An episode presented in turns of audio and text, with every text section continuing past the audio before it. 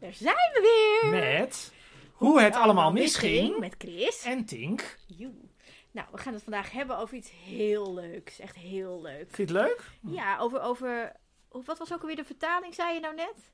Uh, nou, je moet Het mij christelijke eerst... huis, de burgerij. Ja, de christelijke burgerij. het is heel onduidelijk. Kijk, dit is voor mensen die Latijn op school hebben gehad, is dit heel simpel. Heb jij heeft- Latijn op school gehad? Nee, eh, één keer. Ehm, toen was ik wel, wist ik wel genoeg. Het enige wat ik onthouden heb van Latijn is rosae. Ja. Dat is namelijk van de rozen.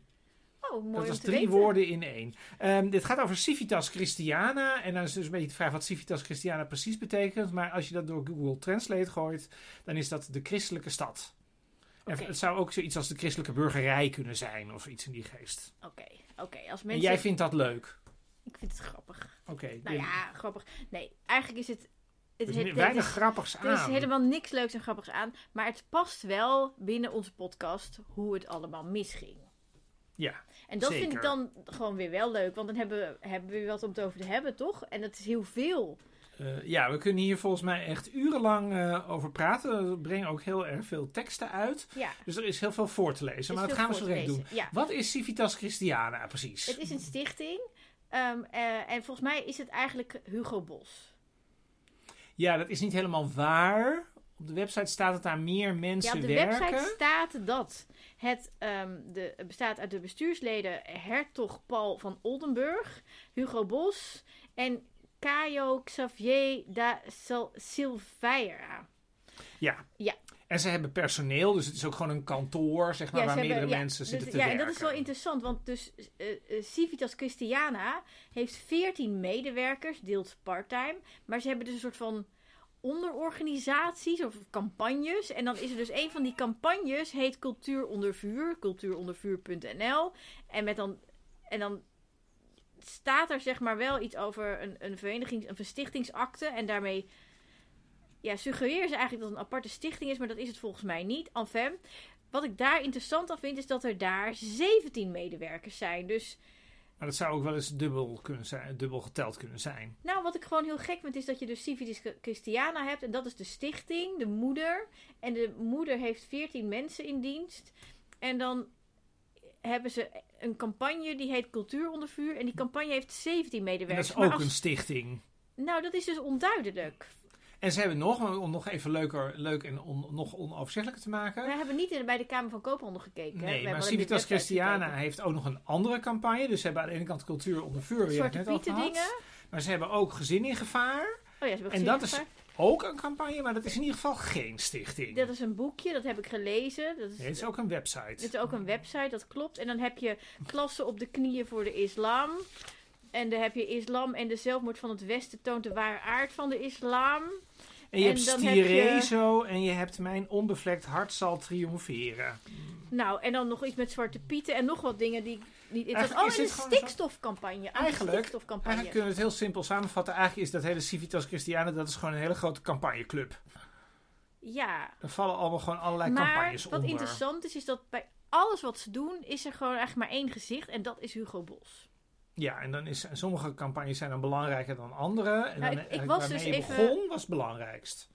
Civitas Christiana, ja. Wat, Ja. Ik, wat ik grappig vond, ik was dus op de website van cultuurondervuur.nl.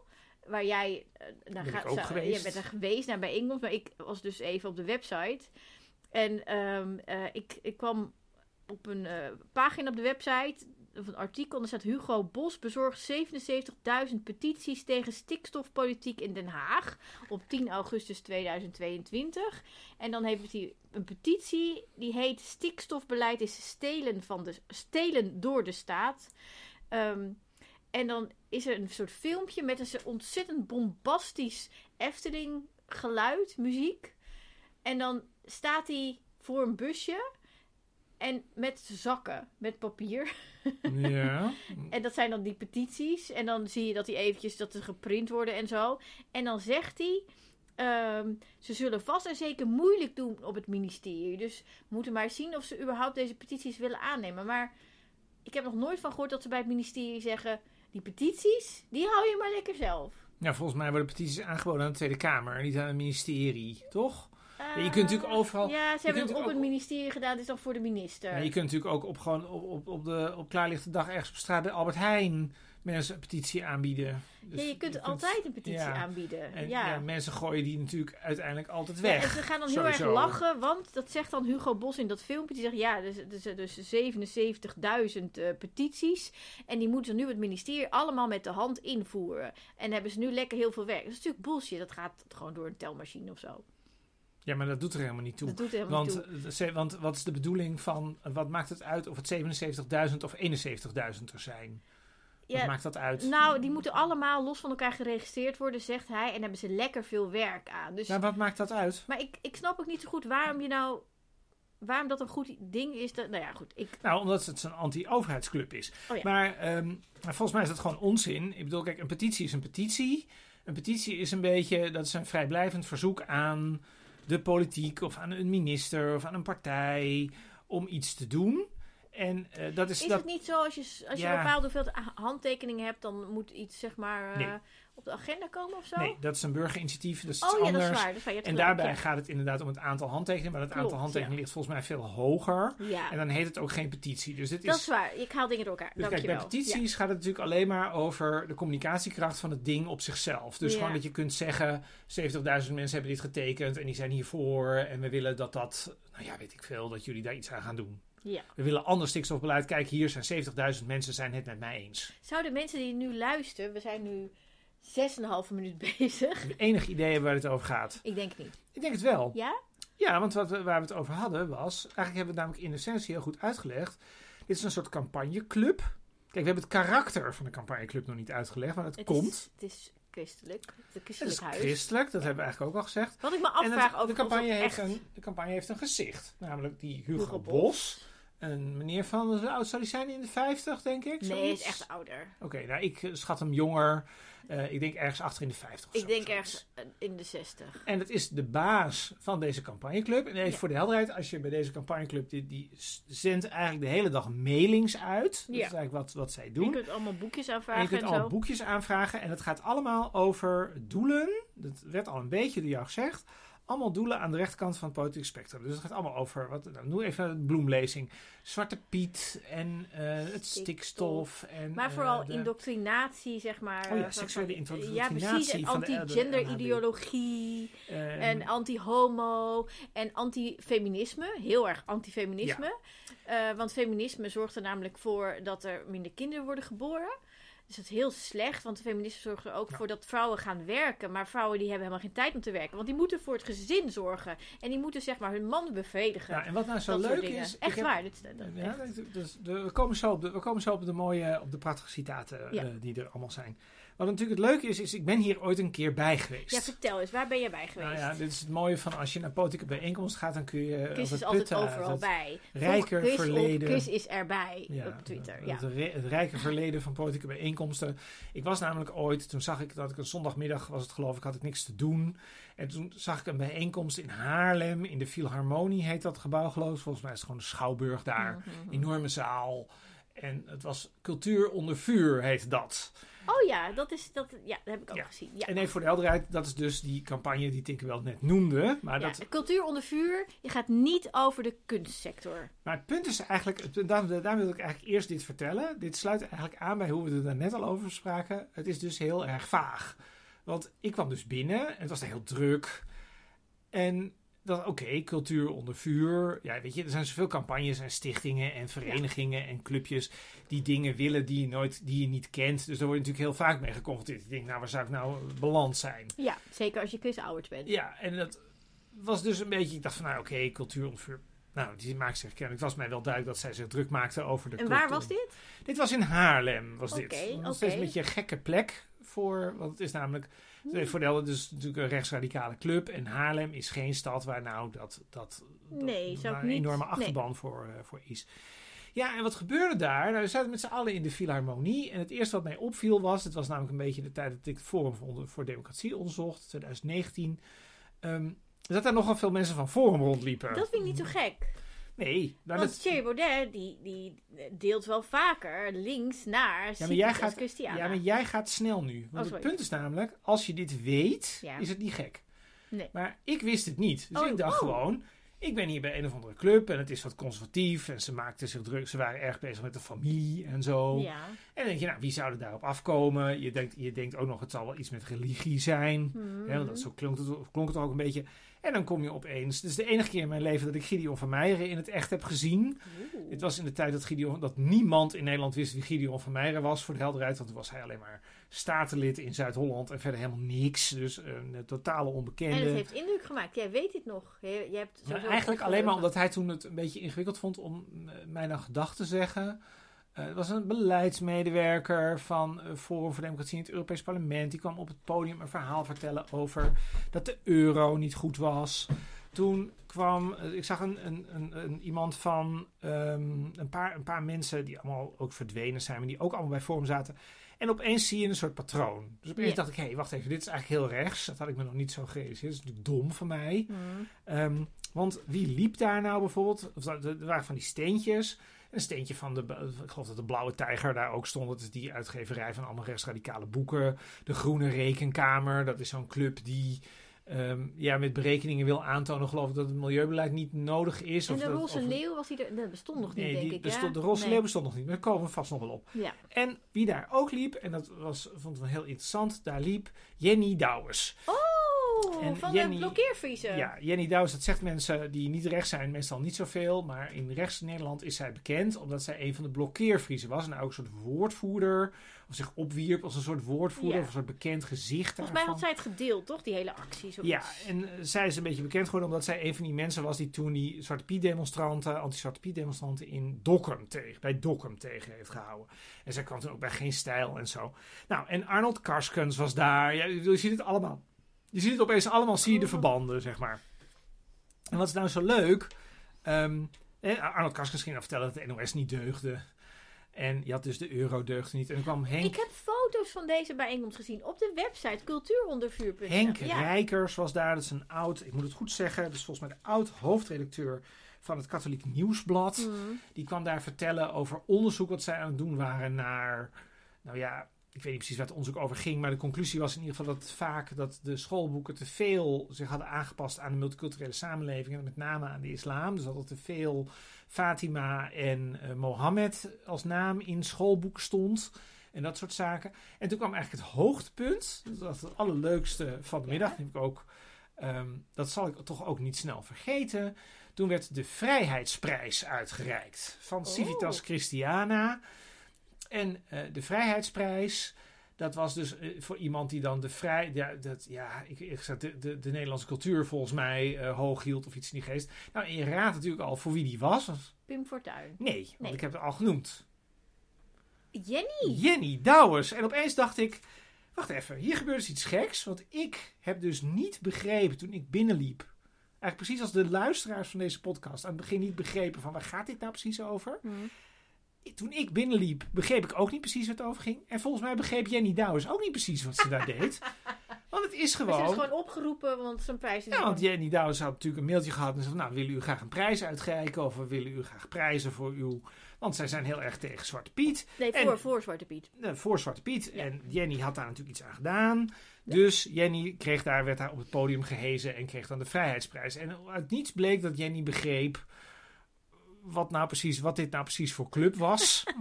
wat verder ook helemaal niet gênant was, want dat vond iedereen ook prima. Want dat is natuurlijk ook een beetje het punt. Zullen wij voor de grap ook prijzen gaan uitreiken? We gaan ook prijzen uitreiken. Maar de ironie is, ehm, zij, zij stond er dan. En het is ook helemaal niet erg dat zij niet zoveel van die, van die stichting af is. Want het punt is natuurlijk dat zo'n stichting probeert zich dan met allerlei mensen te verbinden.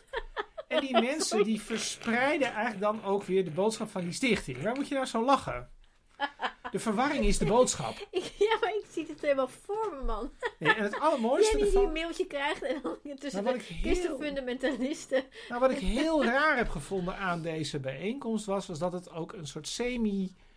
Dat, dat, dat begrijp je ook pas achteraf.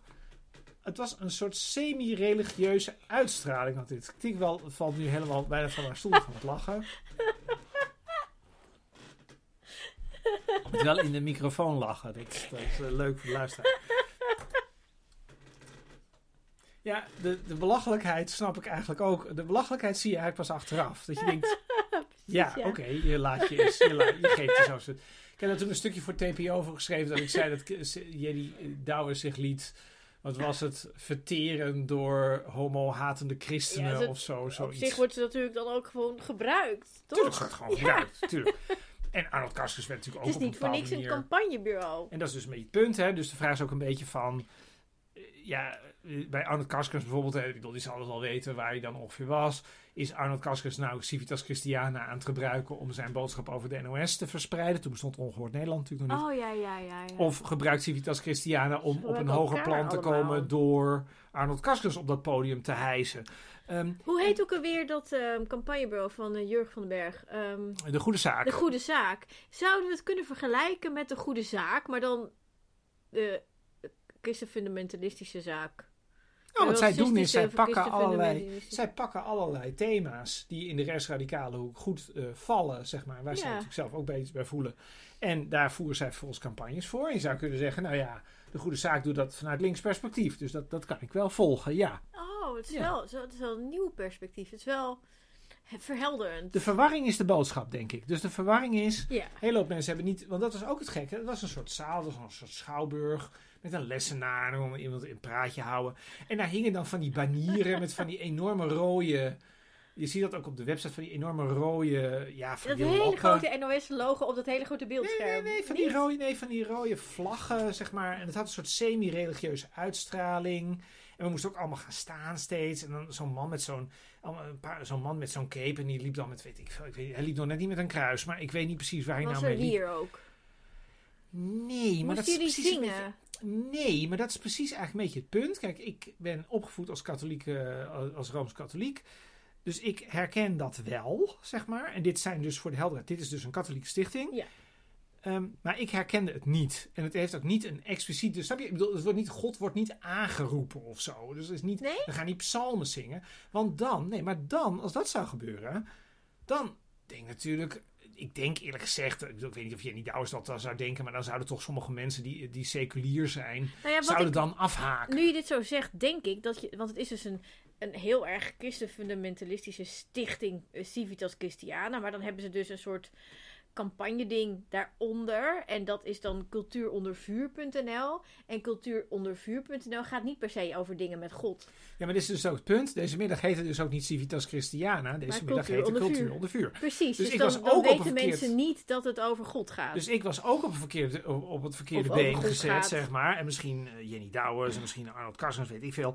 Maar het punt is, de verwarring is de boodschap eigenlijk. Want wat je dus meekrijgt, is je krijgt dus allerlei boodschappen mee uit die, ja, je zou bijna kunnen zeggen, vanuit het heden, eh, alles wat in de hoek van Forum voor Democratie zit. Ik denk Ja. dat dat is de beste Ja, eh, samenvatting. En PVV ook al een beetje. En het lijkt, het, het, ja, het had een soort, het was wel heel duidelijk dat het een soort christelijke ondertoon had, maar wel heel gematigd christelijk, zeg maar. Dus ik zou bijna zeggen, het CDA is ook christelijk, maar je hebt er niet zoveel last van. Ja, ja, Snap je? ja. Dus ik bedoel, nou, het is je- een campagnebureau, dus eh, dan, dat, dat, dat er zoveel mogelijk mensen toch kunnen aanhaken. Nou ja, en wat dus heel ingewikkeld is, want het is eigenlijk nog erger, daarna, daarna, daarna hou ik erover op. Het is dus eigenlijk nog erger, want je hebt dus Civitas Christiana met al die verschillende stichtingen. En daar hangt dan dus weer een soort internationale koepel, hangt daar dan boven. Hmm. Al weet ik niet wat daar de relatie tussen is. En dat heet dan TFP. Ehm, en dat staat dan voor traditie, familie en privébezit. Privébezit. Ja, en dat is natuurlijk, en daar, als je mij dat, als je mij dit geeft, kijk, ik ben wel, ik ben ontzettend progressief geworden ten opzichte van eh, mijn opvoeding en dat ik in de kerk ben Ik heb hier wel gedacht over, maar vertel jij Maar- eerst. Dus traditie en eh, familie, dat kan ik heel erg koppelen aan de kerk. En dat kan ook zonder de kerk trouwens. Ja, Dus dat, kan, ja. maar dat, dat, past, dat past bij de kerk.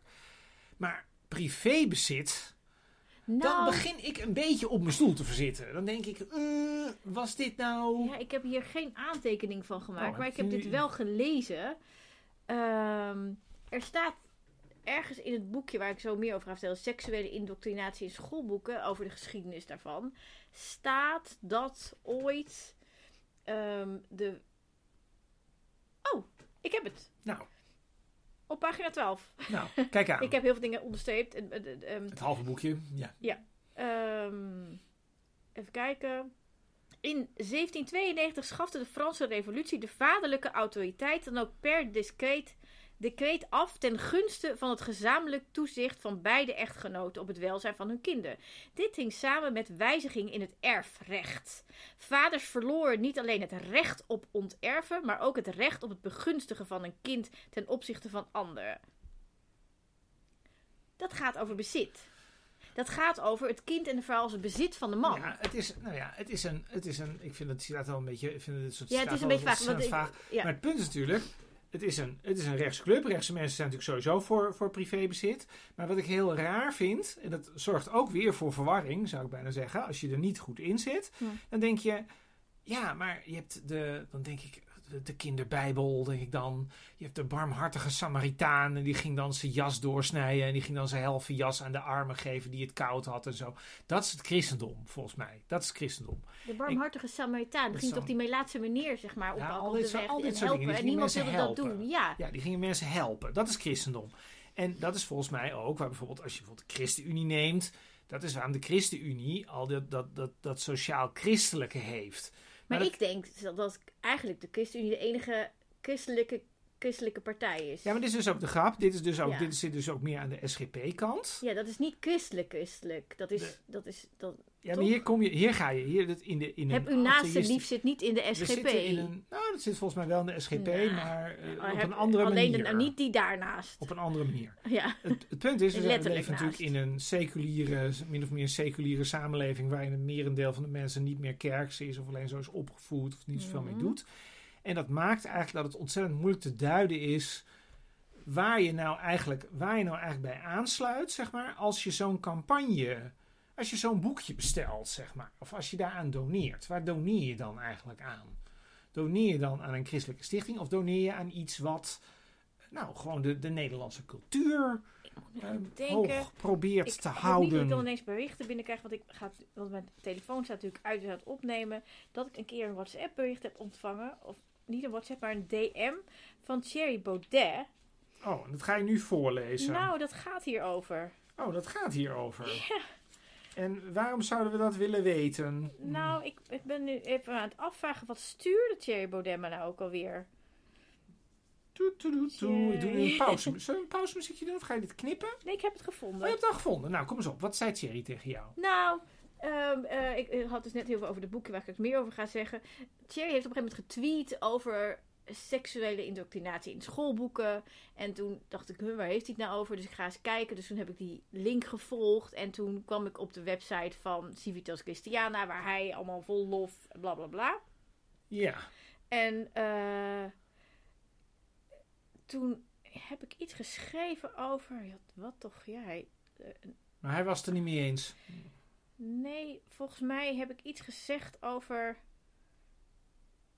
seks tot altijd pijn doet of zo. Iets in de context met iets, ik weet het niet eens meer precies. In ieder geval, het was een, bedoeld als een nare opmerking. En die eindigde met tot het pijn doet. Ja. En hij stuurt me dan een bericht. Dit was op 4 augustus 2021. Haha, grappig stukje in de Volkskrant. Het was niet de Volkskrant, maar goed. Tot het pijn doet. En dan zo'n smiley erachter. En ik zeg dan het parool, Cherry. En hij zegt, whatever.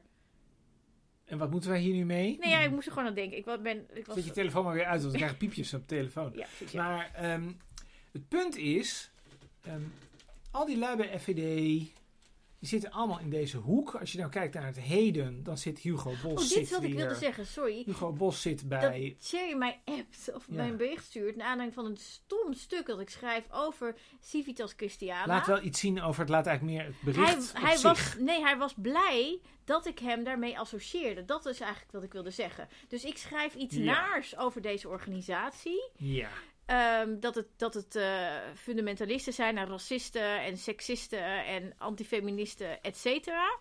En Sherry is blij. Want ik noem zijn naam binnen die context. Dat vond ik opmerkelijk. ja.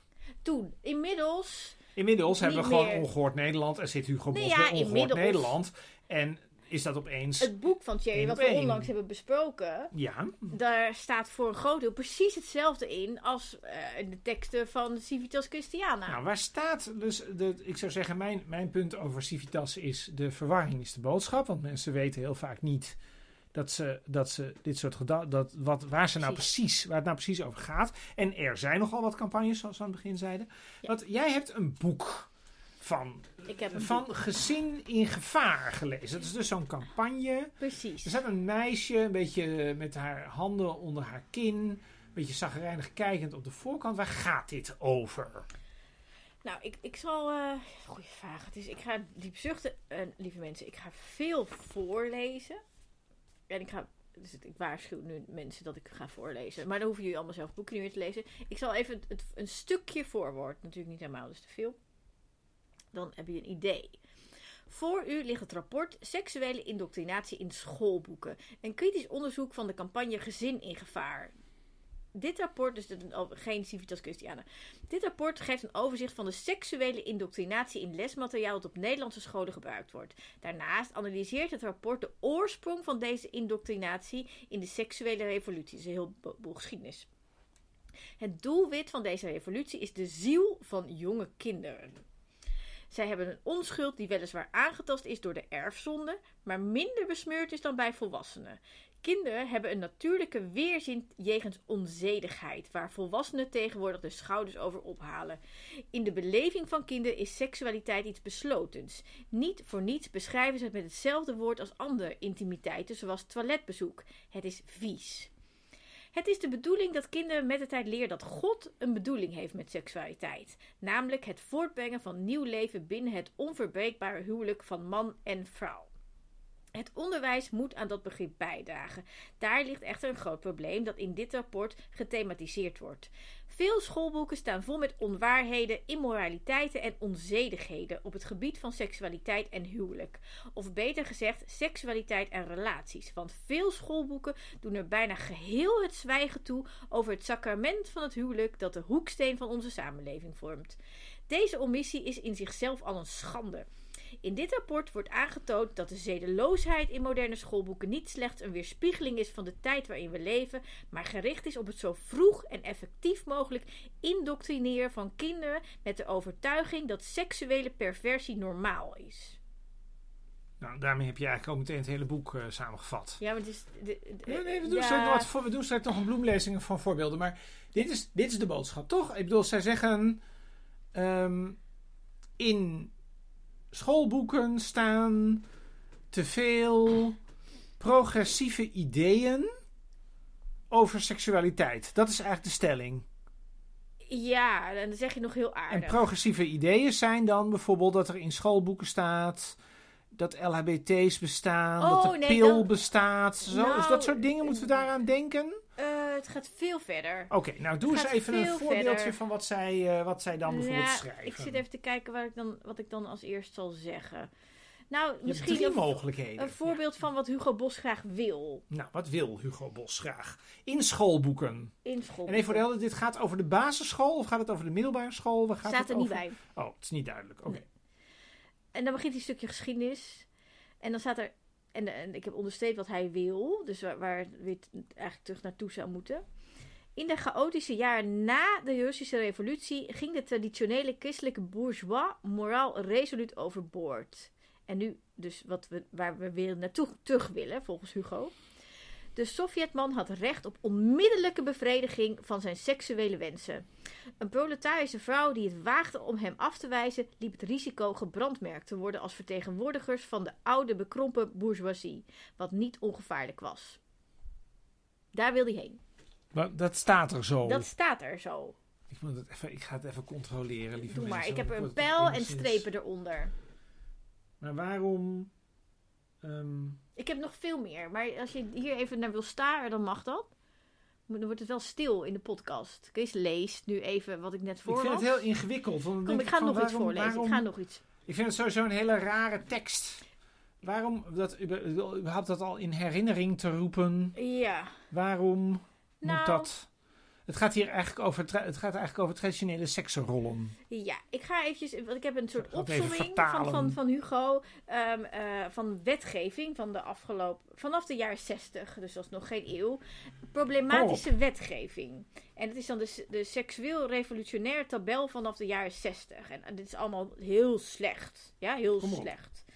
In 1964 Organon brengt een eigen anticonceptiepil op de Nederlandse markt. Oeh, heel erg.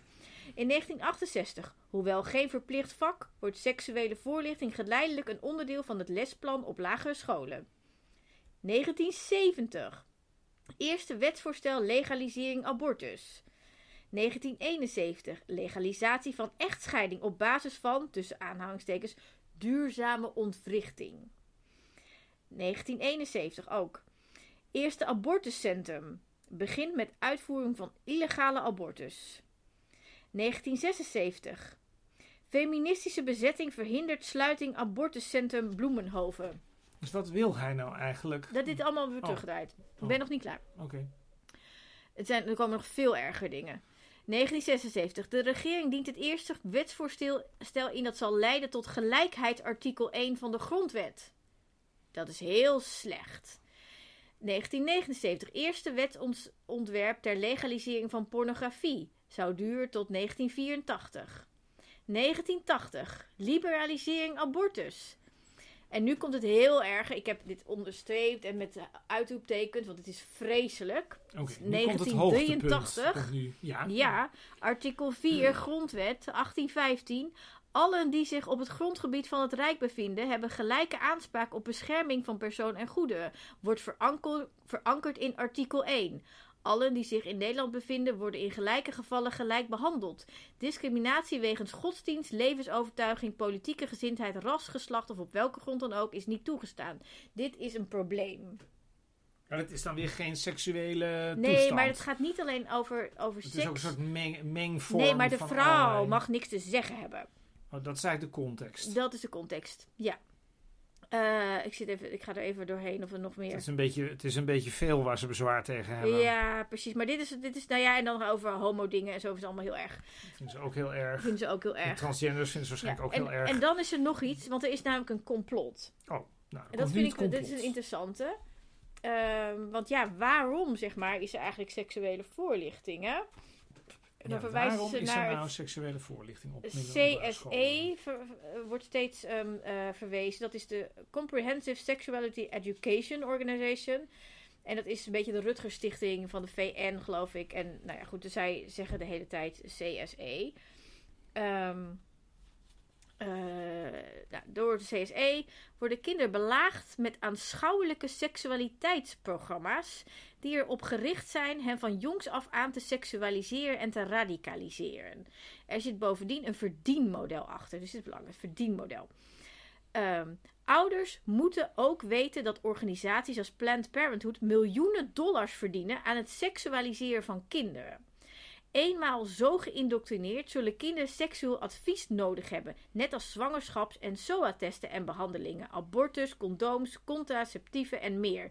Planned Parenthood levert dit allemaal. Dit is een multimiljonair business. Aangezien CSE kinderen aanmoedigt om hun maagdelijkheid te verliezen en seksueel te experimenteren, kan dit bij hen tot vroege zwangerschappen leiden en tot het oplopen van SOA's met inbegrip van HIV, omdat studies laten zien dat kinderen niet zo snel, consequent of correct condooms gebruiken. Onderzoek laat ook zien dat kinderen die vroege seksualiteit, seksuele activiteiten ontplooien, excuus, seks, seks, seks, ehm, met verschillende seksuele partners meer depressies hebben en het moeilijker vinden om als volwassenen stabiele huwelijken en gezinnen te stichten. Voor het bederven van de kinderlijke onschuld is weinig nodig. Het kost maar een fractie van een seconde om een pornografisch beeld permanent in de hersenen vast te leggen. En aangezien veel CSE-programma's materialen gebruiken die dermate aanschouwelijk zijn dat ze als pornografisch beschouwd moeten worden, kunnen ze kinderen in een verwarring brengen waar ze hun leven lang niet meer uitkomen. En daar kunnen ze dus heel veel geld weer aan verdienen. Dat is, dit is Dus het eigenlijk, eigenlijk is er een. Het, eigenlijk is de, de kinderen worden eigenlijk geseksualiseerd. Ja. Omdat, er, omdat er een verdienmodel achter zit. Exact. Waarom- exact. Waarom, en waarom accepteren wij dat dan allemaal volgens Civitas Christiana, eh, Annex, Nou, we hebben dat niet door. We zien het gezin in niet. We zien gevaar? niet. Je wil nog, ik, ik, even voor de helderheid, ehm Tinkerbell zit nu met dat boekje voor haar neus. Ja, ik wil nog een en paar Tinkerbell dingen... wil heel graag meer voorlezen, maar ik geef haar nog maar twee opties. Dan stoppen we ermee. Mm. Ja, dan vind ik het wel weer genoeg eh, van deze rechtsradicale eh, rommel. Mm. Zo, vind ik gewoon. Dan moet ik kiezen. Ja, maar ja, er staat natuurlijk op elke pagina wel iets absurds. Nou, Vind jij het niet dan? Hmm. Jawel. Nou, kom eens op. Nou. doe, eens dan even, doe er nog eens Nou ja, het gaat dus over de, de voorbeelden van seksuele indoctrinatie in school. Nou, nu Hoe dan, erg we nog niet zo gehoord inderdaad wat nou precies de seksuele Ja. indoctrinatie Dus, is. dus, dus een deel van de seksuele indoctrinatie is ronduit pornografisch. Het is zo schokkend dat alleen al het uitleggen wat er staat een zonde is. Laat staan het citeren of afbeelden. Dit materiaal is daarom niet opgenomen in dit rapport. Materiaal dat niet pornografisch is, maar wel onkuis, wordt naar nodig afgeschermd met een zwarte balk of omzichtig omschreven. Niettemin raadt gezin in gevaar aan om de voorbeelden niet te laten zien aan minderjarigen. Nou, en dan hebben we het bij En voor... dan komen er, nu, nu komen er vieze plaatjes, neem ik aan. Ja, maar er is dus een, een balk voor. Hoe gebruik je een condoom? Oh, en dus dan is er- een balkje voor de tekst. Oh, dus er is een, dus voor de we zien nu een soort vlak, ja, een soort, pla- een soort ja, dan plaatje is van zeg een maar website. de uitleg wat moet je doen. En dan staat daar tekst onder. En die tekst is afgeschermd, want dat is onkuis. Is het tekst of is het een plaatje? Tekst. Oh, het is tekst. En Dus dan staat erbij: In dit practicum krijgen kinderen een plastic mannelijk lid waar ze een condoom om moeten doen. Alleen al van kinderen vragen om aan geslachtsdelen te zitten, ook in simulatie, is verwerpelijk. Nog verwerpelijker is het als kinderen dit in groepsverband moeten doen. Jongens en meisjes bij elkaar. De natuurlijke kuisheid die kinderen hebben aangetast, maar zeker niet geheel uitgewist door de erfzonde, wordt op ernstige wijze aangetast. Maar wat natuurlijk ook hier is weer de verwarring. De verwarring is natuurlijk ook weer hier het punt. Want ik bedoel, over waar, waar gaat het nou precies over? Hoe, wie, waar wordt dat dan precies dan gedaan? Welke leeftijd hebben we het Nou, over? Het is het allemaal vaag. Allemaal vaag. Nou, dus, ik, Allemaal dus hier, ik, ik wil dit toch even, want het is, het is zo absurd. Dan is het dus hier zeg maar het probleem dat, eh, er staat een kop boven, wetenschap is meisjeszaak. En dan staat er: In de echte wereld kiezen meisjes niet vaak voor de exacte wetenschap. In de fantasiewereld van dit lesboek wel. Je hoeft maar een collegezaal van een opleiding natuurkunde binnen te lopen om met eigen ogen te zien dat het meestal mannen zijn die kiezen voor de exacte wetenschap. Want van, van nature zijn mannen meer voorwerpgericht, vrouwen persoonsgericht. Dit lesboek zet deze natuurlijke rolverdeling op zijn kop. Het creëert een fantasiewereld waarin jongens slechts 12 keer als onderzoekers worden afgebeeld en meisjes wel 25 keer. De indoctrinatie mag niet baten van de havisten. Kiezen bij de jongens 25% voor natuur en techniek en nou, bla bla bla. Dit is heel erg. Dat dus Dus dit is eigenlijk, dit lijkt heel erg op wat ik net als voorbeeld gaf. Dat in Haarlem staat dan iemand op een podium en die zegt dan... eh, nou, we worden geïndoctrineerd met de multiculturele samenleving. Want in schoolboeken komen de namen Fatima en Mohammed vaak voor. Ja, nou precies. Beetje en dan, dit soort dingen. ja, maar ook bijvoorbeeld, dan staat er hier een boek met informatie over de pil. Het is een lesboek, zwijgt geheel over de problematische kanten van de on- anticonceptiepil. Eh, het zwijgt over de abortieve werking van de pil bij zeer vroege zwangerschappen. Het verwekte kind kan door de hormonen niet intestelen en sterft. Waar het lesboek al helemaal niet over spreekt, is de intrinsieke immoraliteit van anticonceptie. Dus nou, dit, Nou, ik denk dat we het wel snappen. Denk je niet? ja. Is er nou iets dat wij nog niet snappen aan deze club, nu naar deze citaten? Nou ja, ze geven nog allemaal tips over wat dan te doen. Hoe je kind kan leren om, als er sprake is van seksuele indoctrinatie in lesmethodes, op te staan en gewoon uit de klas weg te lopen. En er allemaal tips over thuisonderwijs. En dan tot slot, wat zeggen ze tot slot? Wat is de conclusie? De, Ja. de, de laatste alinea. De, oh, ja, de, burgerlijke oor- ongehoorzaamheid, ziek melden, is dat ook nog een optie. Nou ja, maar, maar belangrijker, hè, dus nou ja, dan al dit. Belangrijker nog wel is dat Go- God de trouw aan zijn geboden altijd wil zegenen. Denk aan Daniel in het Oude Testament, die de voedselwetten van God niet wilde breken en die daarmee ongehoorzaam was aan koning Nebuch- Nebukadnezar. Hij riskeerde daarmee zijn leven, maar hij wist dat gehoorzaam zijn aan God geboden belangrijker is dan de gehoorzaamheid aan de aardse koning. Als die gehoorzaamheid in strijd is met Gods wil, mogen hij ons en onze kinderen wijsheid schenken zoals hij die aan Daniel schonk.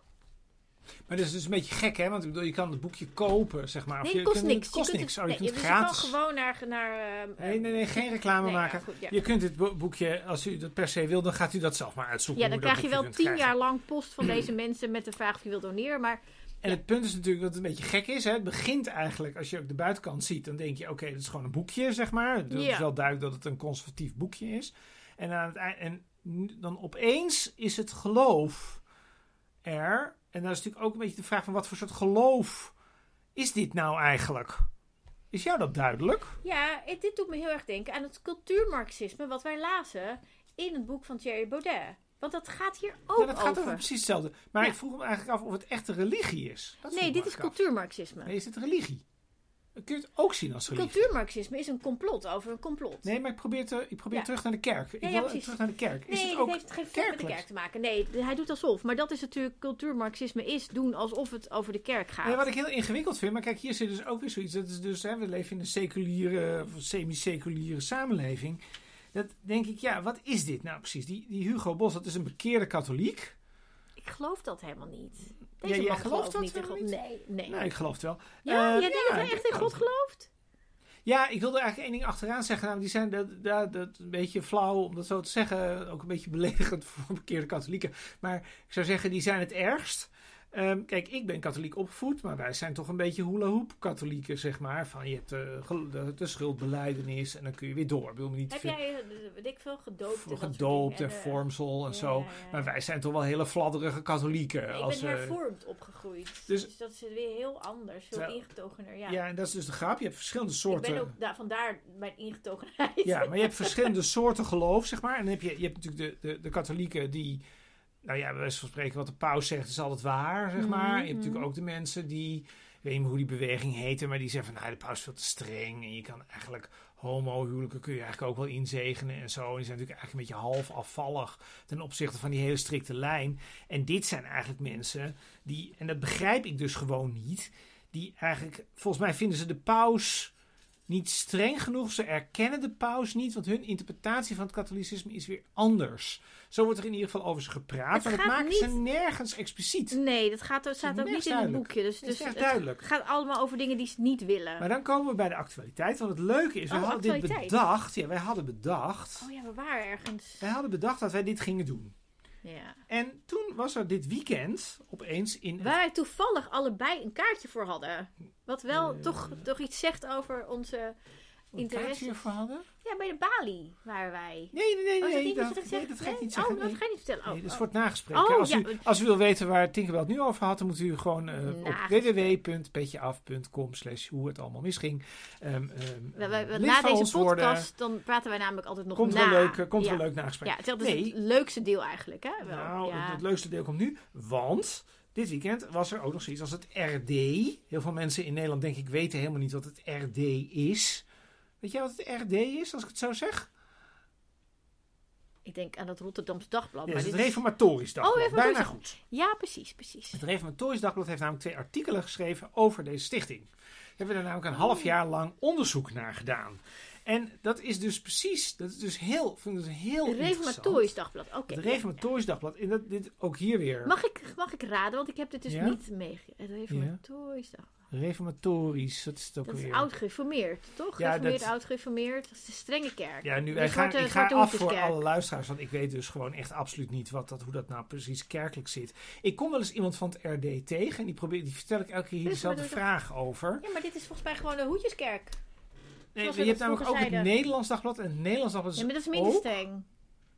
Ja, dat is mij wel eens andersom uitgelegd. Dat is ook interessant. Als het Oh, over ja? religie gaat, heb je al snel hier verwarring over. Maar wat nou het leuke is, dat zijn natuurlijk hoe het ook precies zit. Dat is natuurlijk, als je dat maatschappelijk bekijkt, is dat natuurlijk een hele zware, zwaar religieus is dat. Ja, zwarte hoed. Dat ja. zijn mensen die van de EO zijn en die kan elke zondag naar de kerk en al dat soort dingen. En het aardige is nou, er is één ding wat deze mensen van het RD volgens mij zeker niet zijn. Namelijk Fan van Hugo. katholiek. Eh, Dat is het enige nee, dat onderscheid zijn wat helder niet. is. Nee, Dat nee, want het moet allemaal ingetogen. En katholiek is Ja, veel te dat mooi. Het en- enige wat ja. helder is. En wat, wat, maar wat nou heel interessant is, is dat natuurlijk heel veel van die dingen die hierin staan, dan iets minder, hè, natuurlijk wel wat, wat, wat gematigdere variant. Doet meer denken aan de reformatorische... Dus het, het zit wel degelijk ergens in die hoek. Namelijk, Ja. het zijn wel degelijk, zijn, die zijn natuurlijk ook niet voor, ik weet niet of ze tegen anticoncepties zijn, maar ze zijn in ieder geval niet voor transgenders. En ze zijn natuurlijk ook voor traditionele waarden Ja, en al ja, dat soort dingen. Dus het zit best wel in die hoek. En wat gebeurt er dus, dat is heel erg interessant, is dat dus het Reformatorisch Dagblad, we hebben daar een podcast over gemaakt van 20 minuten. Luister dit allemaal. Oh, het eh, lijkt me zo... Hoe heet de podcast? Ehm, ja, dat weet ik eigenlijk niet. Re Reformatorisch Dagblad Sp- RD spreekt of iets in Oh, het lijkt me enig. Ik ga luisteren. En eh, die verslaggevers leggen daaruit dat, zij, dat het RD hier dus vragen over kreeg. Want wat gebeurt er? Dit is een campagnebureau. je, je, je, nou, de mensen maken zich misschien wel druk over de seksuele indoctrinatie, bestellen zo'n boekje en zitten vervolgens de rest van hun leven aan mailings vast. Je zou eigenlijk kunnen zeggen, eh, het lijkt een beetje op de postcode loterij. Die doet, doet Kom je ook niet vanaf? Daar kom je ook, kom je ook slecht vanaf. In ieder geval moet je wel hele expliciete brieven gaan sturen van ik wil dat u mij nooit meer iets stuurt. Ehm, en ehm, dat, dat, het Reformatorisch Dagblad had daar, kreeg daar vragen over, over hoe zit dat nou met al die definitie, hoe zit dat nou met al die donaties en met al die campagnes en al die petities die elke keer rond worden, worden gestuurd. En toen zijn zij daar onderzoek naar gaan doen. Nou, dat hebben, ze, dat hebben ze in die podcast heel netjes uitgelegd. Het punt is namelijk, dit is een ANBI.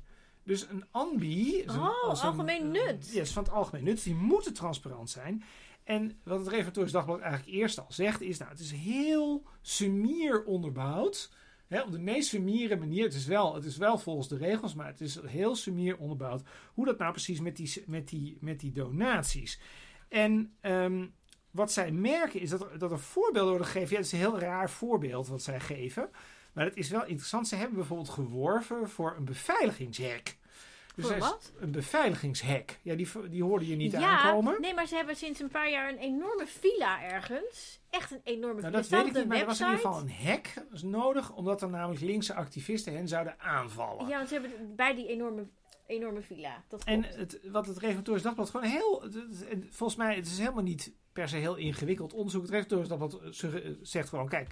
Er is werving geweest voor het hek. Er is, dat is opgehaald. ja.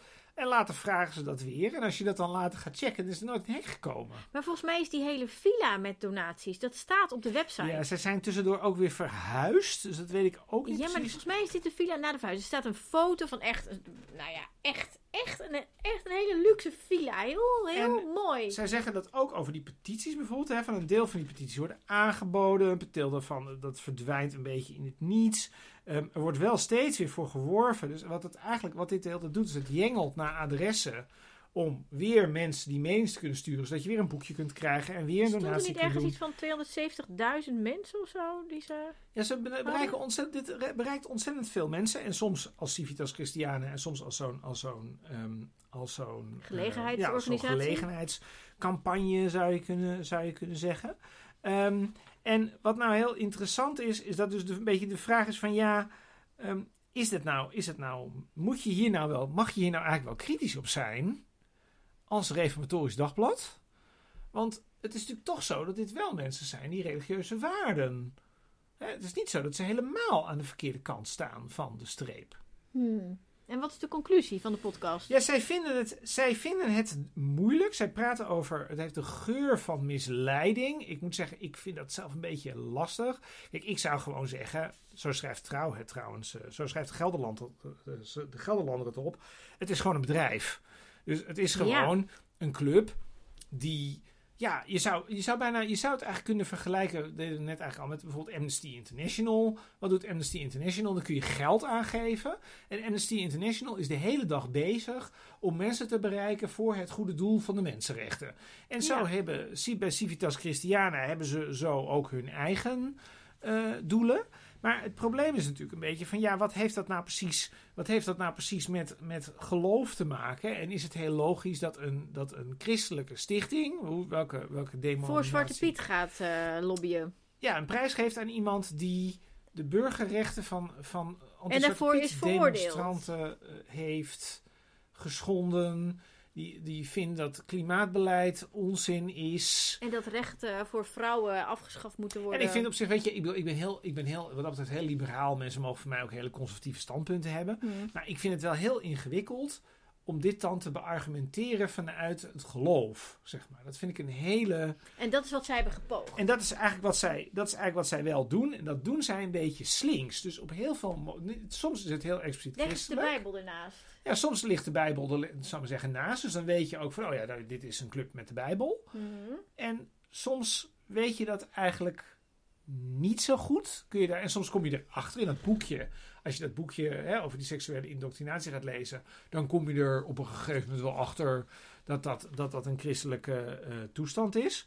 Um, maar ja, of dat nou heel. Of maar nou hoor ik nou aan jou dat je er eigenlijk ook niet uit bent? Nee, weet je wat ik dacht? Ik vond dat vind ik ook, dit vind ik ook een leuke conclusie namelijk, wat ik nu ga zeggen. Oh, Ehm, kom maar op. Kijk, je hebt... Chris is lacht heel erg, heel erg zeg lachen. maar, van links naar rechts, van Nee, oor tot namelijk, nee, het is oor. namelijk helemaal niet om te lachen. En toch lach je. Ja, toch moest ik om lachen, Ik omdat ik ook ironie inzie, Ja, ja, maar ja. ik vind Het ook ellendig. Niet grappig, ja. Er zijn heel veel, dit, dit zijn van die, van die conservatieve, van die extreem conservatieve doelen. Ja. Dit is een club die dat vanuit geloof naar voren probeert te brengen. En die eigenlijk de hele tijd bezig is met het verwerven van adressen, et cetera. Ja. Om dat allemaal groter en groter te maken.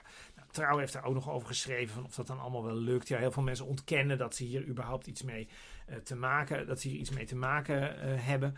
Maar je hebt bijvoorbeeld ook, hè, dan gaan we even naar Forum voor Democratie. Oké, ja. Forum voor Democratie doet het eigenlijk ook. Forum voor Democratie is ook is hè, niet formeel een bedrijf, maar is ook de hele tijd bezig met mensen dona- vragen om donaties, want anders gaat het naar het En ze partijkartel hebben toe. natuurlijk die eigen uitgeverij. En het gaat over diezelfde. Dus dat is ook een soort verdienmodel Ja. om, om die waarde verder te brengen. En dan heb je eigenlijk nog een derde. Er zijn er volgens mij, volgens mij zijn er inmiddels veel meer. Hm. Ehm, je hebt ook, jij noemde hem, de Roze Leeuw. Namelijk, de Roze Leeuw doet dit eigenlijk ook. De Ja. Roze Leeuw is, daar hadden we het een tijdje geleden over, dat is een rechtsradicale homo-organisatie. weken geleden, denk Eh, ik. denk drie. drie, vier weken geleden.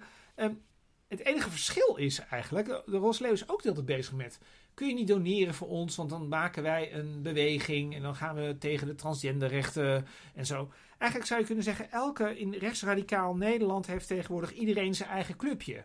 Dus je hebt, je- als je bij een partij wil, dan kun je bij Forum. Als je nou eh, in de... In omroep kun je naar Ongehoord Nederland. ja, als je katholiek bent, dan kun je naar Civitas Christiana. Als je gereformeerd bent, waarschijnlijk niet. Maar dan kun je misschien naar iets anders. En als je homo bent, kun je naar de Roze Leeuw. En zo kom je eigenlijk tot de conclusie dat de homo's van de Roze Leeuw... eigenlijk die eh, ja, inhoudelijk bestreden worden, denk ik, door... of eh, eh, zijn bestreden worden door dit komt soort wel clubs toch op heel veel punten ook wel weer dicht. erg dicht bij Ah, elkaar ja. komen. En ehm, wat je dus ziet, is dat, dat- en dat vind ik er dus niet fijn, dat is volgens mij een hele nare conclusie eraan, is dat er dus heel veel clubjes zijn die eigenlijk allemaal aan dezelfde agenda aan het werk zijn, allemaal vanuit hun eigen perspectief. En of ze elkaar verstaan, hè, of ze met elkaar overweg kunnen. En het lijkt erop dat mensen daar toch best wel veel geld voor over hebben. Worden die, die hele rechtse conservatieve mensen de hele tijd bedonderd?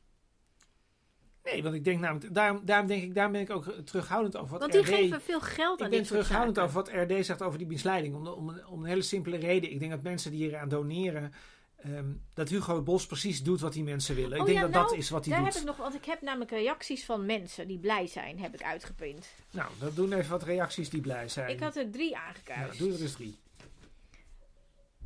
Uw doelen zijn mij uit het hart gegrepen.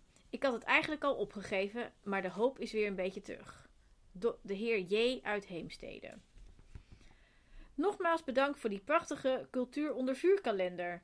De mooiste kalender die ik ooit heb gehad. En ik ben 57 jaar. De heer R.B. Dank voor uw inspiratie en inspanningen om te doen aan echte journalistiek gebaseerd op waarheidsvinding. De heer M.J.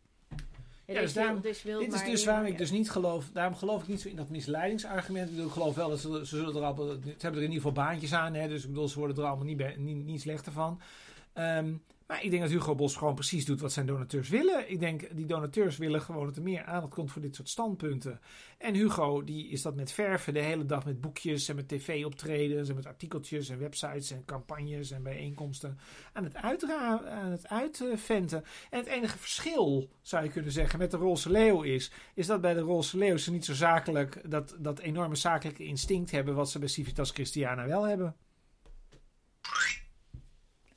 Nou, Nou, ik ben er stil van. dan moeten we het Ehm, nu hebben over Aardige dingen over mensen. aardige dingen. Ik wil graag iets aardigs zeggen over Geerten Moerkerken, Ben Provoost en Johannes Visser.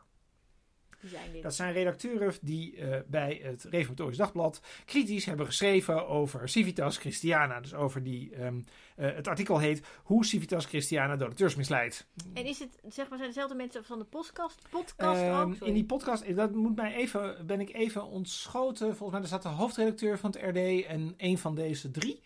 Ehm, ik denk die Geert, maar dat weet ik niet helemaal zeker. En het is dan naar Ehm, aanleiding van het artikel. En dat is naar aanleiding van die twee artikelen. En ehm, wat, wat ik heel interessant vond aan die uitzending is, is dat je merkt dat zij het echt heel moeilijk vinden. Het is toch een beetje als eigen nest bevuilen, zeg maar. Zo voelt het toch Oh, een beetje. Ja, ja. Terwijl het is niet. Ja, mensen die God geloven, die vinden het volgens mij altijd moeilijk om iets te, naars te zeggen over andere mensen die in God geloven, ja, toch? het is, en, je- en, en voor de helderheid, eh, dat hebben we niet besproken. Op want, zich is dat wel, ik wil iets positiefs, iets goeds misschien, aan in God geloven. Als iedereen in, God, in dezelfde God zou geloven en iedereen die in dezelfde God zou geloven het moeilijk zou vinden om iets naar te zeggen over andere mensen die in diezelfde God geloven, dan is er vrede op aarde. ja, maar, ehm, ja, maar dit is wel heel Dat is voor theoretisch. het eerst dat ik dit bedenk, maar dit dit is wel heel toch... theoretisch. Ehm, ik zou zeggen, ehm, als je kijkt naar wat Civitas Christiana als, als reactie op dat artikel weer schrijft, dat maakt er ook één groot complot van. Ik denk bij het RD zijn ze heel gewetensvol eh, hiermee bezig geweest en daar verdienen zij alle steun en waardering voor. Nou, dat, ik ben het ermee eens. En Ik wat vind de jij? podcast luisteren. Ja, ik wil iets aardigs zeggen over Goede Liekens. Weet je wie dat is? Ja, ik weet heel goed. Goede Liekens had namelijk toen ik klein was, een jaar of tien, had zij een talkshow. Over seks. Over, nee, eh, nou, dat weet ik niet. Ging het over seks heeft- toen nou, al? weet ik eigenlijk niet. Ik herinner... Goedelen heette dat programma. Ja, oh ja. Ik Bij ben, wel eens, ik ben ook wel eens te gast geweest bij Goedelen. Ja, dat was misschien later. Later, ja. Ja, precies. Maar zij zij, heeft heel vaak dingen, heel veel dingen maar zij is gemaakt. seksuologe. Ja, ik weet dat? wel. Ja, Ja. dat weten de Ja, dus zij is ooit maar- was een Miss België. En toen... eh Ze zit nu in het parlement, toch? Of ze heeft in het parlement gezeten? Bent kwijt- ze is ook een tijdje heel ziek geweest, volgens mij. Dat is een ontzettend leuke vrouw, die Goedelen. Maar waarom ga je iets leuk. leuks, waarom ga je iets aardigs Nou, over haar zeggen? Omdat ik het eh, ontwapenend vond om. Nou, ik- vooroordeel. Vooroordeel wat ik had was van, van mensen die meedoen aan zo'n modellenwedstrijd, is dat het alleen maar uiterlijk vertoon is. Dat Go- Goedelen Wat- is wat een is je domme droom? vrouw. Wat is je droom? Wereldvrede. Dat, dat, weet je?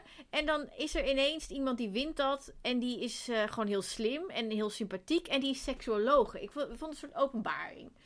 Ehm, Niet taboe doorbrekend. Zo niet eh, niet voor, vooroordeel doorbrekend. Dat ja, ja. En, en, dan, en ze ging altijd heel open over seks en alles rondom seksualiteit praten. En Het tegenwicht wat wij nodig geleden. hebben in deze nou, maatschappij. nee, ik, ik weet wel dat ik dat, dat ehm, ik dat gewoon heel soort van bijna soort bevrijdend vond. Iemand, een, een, een mooie vrouw die voor heel veel mensen alleen maar mooi was in het begin, hè, toen, toen met die modellenwedstrijd. En die ineens allemaal hele intelligente dingen gaat zeggen. En dan ook nog eens over seksualiteit als vrouw. En daar, voor mijn gevoel, niet op werd afgerekend. Want het is natuurlijk vaak als je als vrouw, jonge vrouw, eh, ehm, ehm, mooi bent en op televisie komt, dan gaat het eigenlijk heel gauw alleen maar over het uiterlijk vertoon. En over seks indirect kun- kunnen we het op haar doen, weet je zo.